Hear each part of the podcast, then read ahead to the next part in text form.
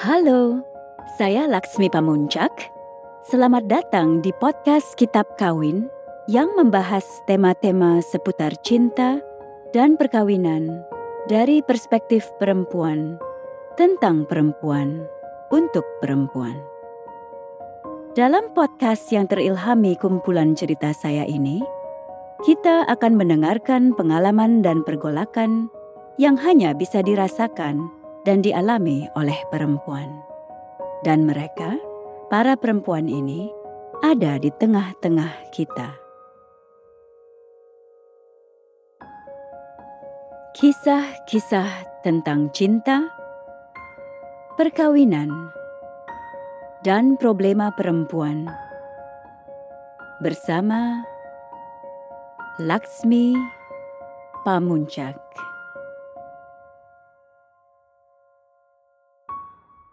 Aku tahu kau merasa aman bersamaku. Aku tahu kau merasa aman bersamaku sebab aku bisa dipercaya. Aku bisa dipercaya karena apa pun yang kulakukan dan tidak kulakukan, tak akan ada yang peduli. Aku bisa dipercaya sebab orang akan percaya padaku setiap kali aku harus berbohong demimu. Kau juga merasa aman bersamaku, sebab kau tahu, aku tak akan bikin masalah selama kau pacaran dengan laki-laki. Berbeda dengan perilaku lesbian yang kau pelajari entah dari mana. Seolah kami cuma satu macam. Aku tak mempersoalkan biseksualitasmu atau menganggapnya sebuah pengkhianatan. Bagiku, laki-laki tak sejajar dengan perempuan. Jadi, setiap kali kau bersama laki-laki, aku tahu kau tak serius. Aku juga tak peduli bahwa selama ini kau memanfaatkanku habis-habisan. Aku tak peduli saat aku harus mengantar atau menjemputmu di tempat-tempat gelap. Lapangan parkir hotel, pintu belakang sekolah yang membuka ke jalan sepi, atau menungguimu di sudut jalan sebelum membawamu pergi dengan mobil yang kupinjam dari Alex. Waktu itu, Alex masih pacaran sama model-model gak jelas. Belum ngeh bahwa Abel yang sering kusebut-sebut ternyata seribu kali lebih cetar dibanding semua cewek yang telah ia pacari. Aku tak peduli kau kadang bicara padaku, seolah aku bukan manusia hidup yang punya pikiran dan perasaanku sendiri, melainkan robot yang kau sewa untuk menghapus jejak kenakalan yang kau guratkan di mana-mana. Aku tak peduli Kau menatapku seperti anak kecil yang belum paham apa-apa. Belum paham kau siapa. Sebab ada satu hal yang tak kau ketahui, Abel. Aku tahu semuanya tentang dirimu. Sementara, entah karena kau begitu lugu, atau tak peduli, atau dibutakan oleh kecantikanmu sendiri, kau tak pernah tahu apa yang ku ketahui. Aku bukan sedang bicara tentang saat-saat kau menyediakan dirimu untuk kuurusi, atau sengaja menunjukkan kerentananmu untuk membuatku semakin penasaran. Atau saat kau menangis di dadaku, setiap kali kau merasa cintamu bertepuk sebelah tangan. Semisal, pada malam kau baru saja putus dari si Doni kunyuk itu. Dan aku memberanikan diri membelai kepalamu. Menyisir rambutmu, helai demi helai dengan jemariku yang gemetar. Lalu mendengarkan diriku sendiri berkata, Si babon bulukan tuh gak pantas buatmu. Dia gak layak. Waktu itu, aku memang kebanyakan baca Tintin dan menghafal sumpah serapah Kapten Haddock. Dan kau akan menegang dalam pelukanku, seolah baru menyadari perasaanku yang sebenarnya terhadapmu. Ya, aku tak bicara tentang saat-saat itu sebab saat-saat itu memang tak pernah berlangsung lama. Sejurus kemudian, kau akan meloloskan diri dariku begitu saja, dalam satu gerakan. Dan tiba-tiba, kau tak lagi sedih, tak lagi menangis. Kau kembali jadi Isabel yang centil, yang dalam lubuk hati terdalam selalu tahu ia takkan pernah tak dicintai orang. Aku juga bukan sedang bicara tentang saat-saat kau dan aku duduk atau berbaring begitu dekat, Lalu kau tiba-tiba berhenti berbicara, setelah bercerita berjam-jam tentang dirimu sendiri, dan menangkup wajahku dengan kedua tanganmu sambil berbisik. Kamu harus berhenti mencintaiku, oke? Okay? Percaya deh, nggak akan ada yang ngerti perasaanmu itu, dan nggak akan ada yang memaafkan.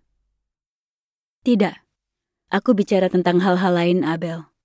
Tentang surat-surat rahasiamu, tentang jabang bayi si usahawan laknat yang kau gugurkan beberapa minggu setelah ujian Eptanas.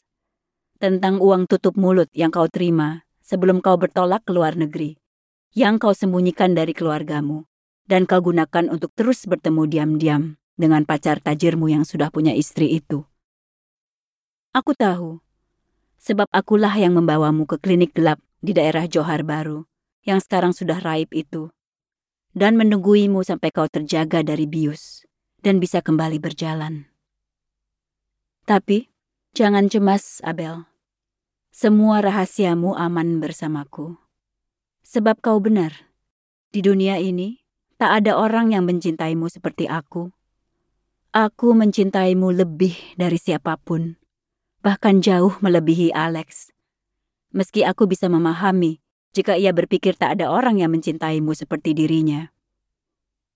Dari dulu Alex selalu begitu, merasa dirinya paling berhak, sebab ia begitu tampan, bukan main. Dalam hal itu kalian memang jodoh dari surga ketujuh. Meski aku hampir pingsan, delapan tahun kemudian, waktu ia memberitahuku, kalian baru jadian.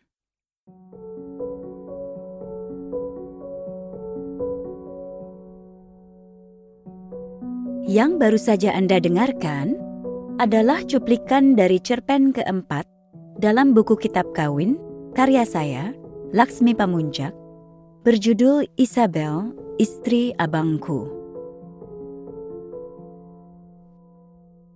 Cerpen ini mengusung topik ragam seksualitas dan kita.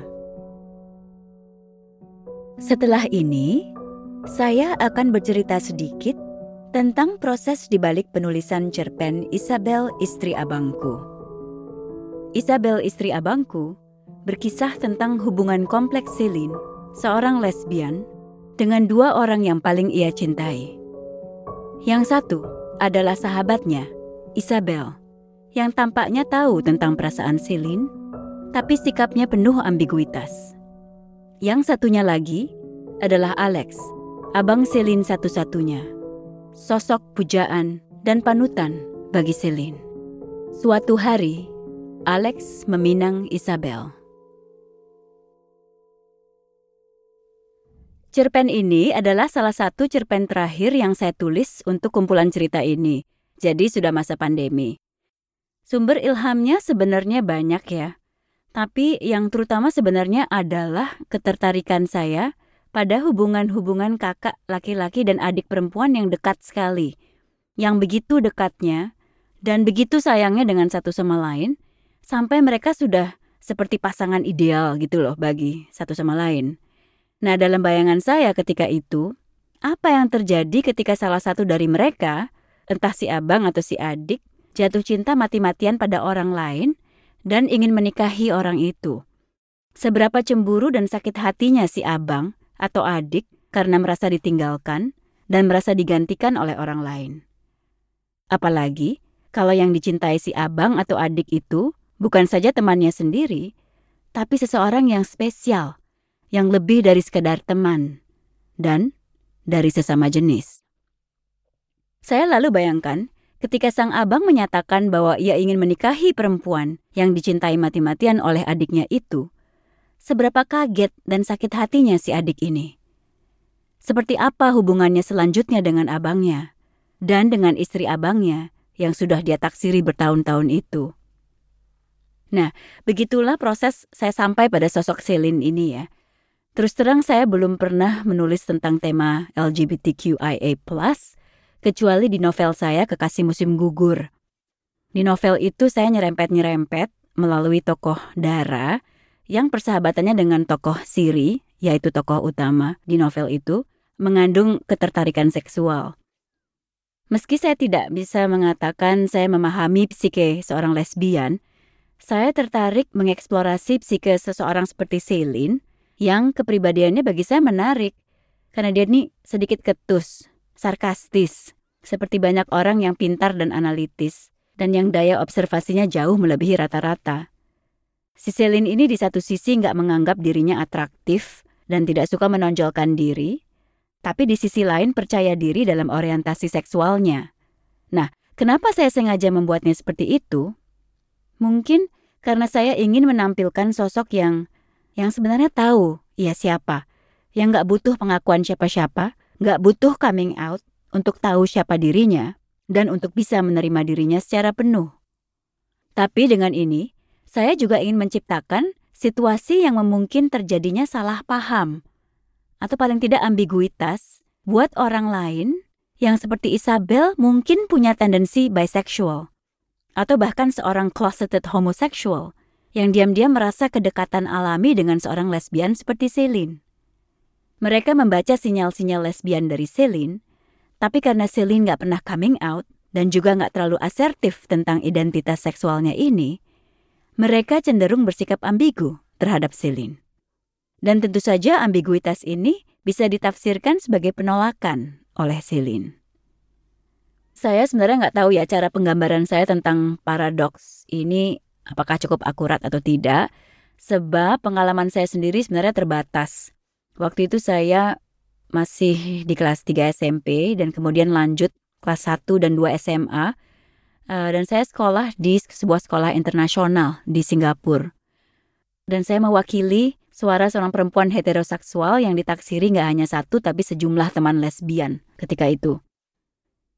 Kalau diingat-ingat lagi sih sebenarnya gila juga ya betapa seringnya saya didekati oleh teman-teman seasrama yang berorientasi lesbian atau punya kecenderungan suka sesama perempuan. Setidaknya tiga dari mereka saya masih ingat banget namanya, gerak-geriknya, sebab mereka sangat intens dalam PDKT mereka. Salah satu dari mereka bahkan maskulin sekali, lebih maskulin ketimbang banyak laki-laki di sekolah itu. Saya masih ingat cara dia memandang saya, begitu dalam, begitu menembus mata, dan saya tergetar, saya ingat, nggak pernah akan lupa. Nah waktu itu saya tinggal di asrama dengan jumlah murid kalau nggak salah sekitar 90-an orang untuk kelas 3 SMP sampai 2 SMA dan dalam satu kamar itu ada 8 murid. Nah murid-murid dari kelas lain bebas saling berkunjung kadang sampai malam. Satu atau dua dari mereka suka datang tengah malam ke kamar saya dan duduk di kamar saya dalam gelap dan mereka cuma memandangi saya. Mereka nggak ngapa-ngapain, mereka duduk saja di sana. Tapi itu maksud saya dengan intens tadi. Dan saya suka nggak enak karena respon saya tidak seperti yang mereka harapkan. Dan saya benar-benar sedih kalau harus mengecewakan orang. Saya betul-betul nggak enak karena saya nggak tahu mesti bersikap seperti apa. Dan saya tahu nggak mudah bagi mereka untuk terbuka ya, atau menunjukkan bahwa mereka suka pada saya dan saya menghargai bahwa mereka merasa bahwa saya seseorang yang bisa mereka percayai. Nah, meskipun ya itu pengalaman yang sangat terbatas, tapi itu backgroundnya dan entah kenapa, waktu ingat zaman itu saya jadi mikir, bagaimana kalau saya membuat cerpen yang sedikit lebih kompleks? Bagaimana kalau ini ada adik kakak nih namanya Celine dan Alex? Nah si abang nih ganteng ajubilah setan. Dan si adik lesbian dan sudah lama terobsesi sama Isabel, seorang cewek populer bahkan semenjak zaman SMP. Mereka berteman dekat, kadang suka nyerempet-nyerempet. Si Celine jelas-jelas lesbian, si Isabel ada kemungkinan bi, tapi seolah sengaja hot and cold. Ya nggak sih, nggak bisa dibaca gitu. Banyak pembaca menganggap Isabel ini sedikit manipulatif, karena cewek ini senang dipuja-puja baik oleh cowok maupun cewek, dan nggak peduli sama sekali sama perasaan Celine. Atau mungkin nggak peduli sama perasaan siapa pun selain dirinya sendiri. Nah setelah Celine dan Isabel lama nggak bertemu, tiba-tiba Alex pacaran dan gak lama kemudian kawin sama Isabel. Nah yang kemudian terjadi, Celine shock, marah, dan merasa sedikit terkhianati. Nah dalam cerpen ini, saya mencoba menggali bagaimana dan sejauh mana kemarahan ini memengaruhi perasaannya sebagai seorang minoritas. Bukan saja sebagai lesbian, tapi juga sebagai orang yang dalam bayangannya sendiri tuh nggak cakep, nggak menonjol, nggak dipedulikan, bahkan nggak dipandang atau dipandang sebelah mata oleh banyak orang. Apakah senario kehidupan seperti ini, di mana Isabel menjadi adik iparnya atau kakak iparnya, Apakah ia akan merasa semakin kurang atau jangan-jangan akan marah dan frustrasi terhadap dirinya sendiri? Ataukah jangan-jangan malah membuatnya makin kokoh dalam identitasnya? Jadi, itu adalah beberapa dimensi yang ingin saya explore dalam cerpen ini. Dan selebihnya saya nggak akan cerita, jadi please baca aja cerpennya. Tapi ya begitulah sedikit latar belakang penulisan cerpen ini. Minggu depan saya akan bincang-bincang dengan sejumlah teman dan pakar yang mempunyai insights unik tentang problema ini.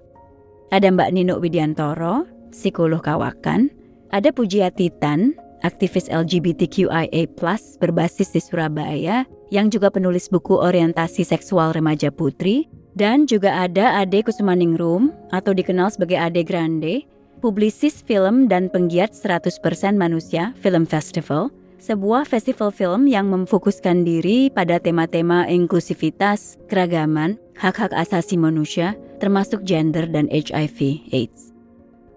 Saya Laksmi Pamuncak, host dari podcast Kitab Kawin. Terima kasih telah mendengarkan episode ini. Jika tertarik membaca kumpulan cerita yang mengilhami podcast ini, buku Kitab Kawin, baik edisi khusus Hari Perempuan Sedunia maupun edisi reguler dengan sampul baru, bisa dibeli di toko buku Gramedia dan Aksara Corner di toko Dia Logue. Bagi yang ingin membeli online, sila berkunjung ke gramedia.com, Gramedia Official Shop Shopee, Gramedia Official Store Tokopedia, dan Gramedia Pustaka Utama Official Shop Shopee. Jangan lupa, edisi sampul baru Kitab Kawin hadir dengan bonus satu cerita baru. Jika tertarik mendengar kisah berikutnya, jangan lupa follow podcast Kitab Kawin di Spotify. Dan podcast ini juga bisa diakses di akun Instagram saya, at akun Instagram Potluck, at Potluck Podcast, serta akun Gramedia Pustaka Utama at buku GPU. Sampai jumpa di episode berikutnya.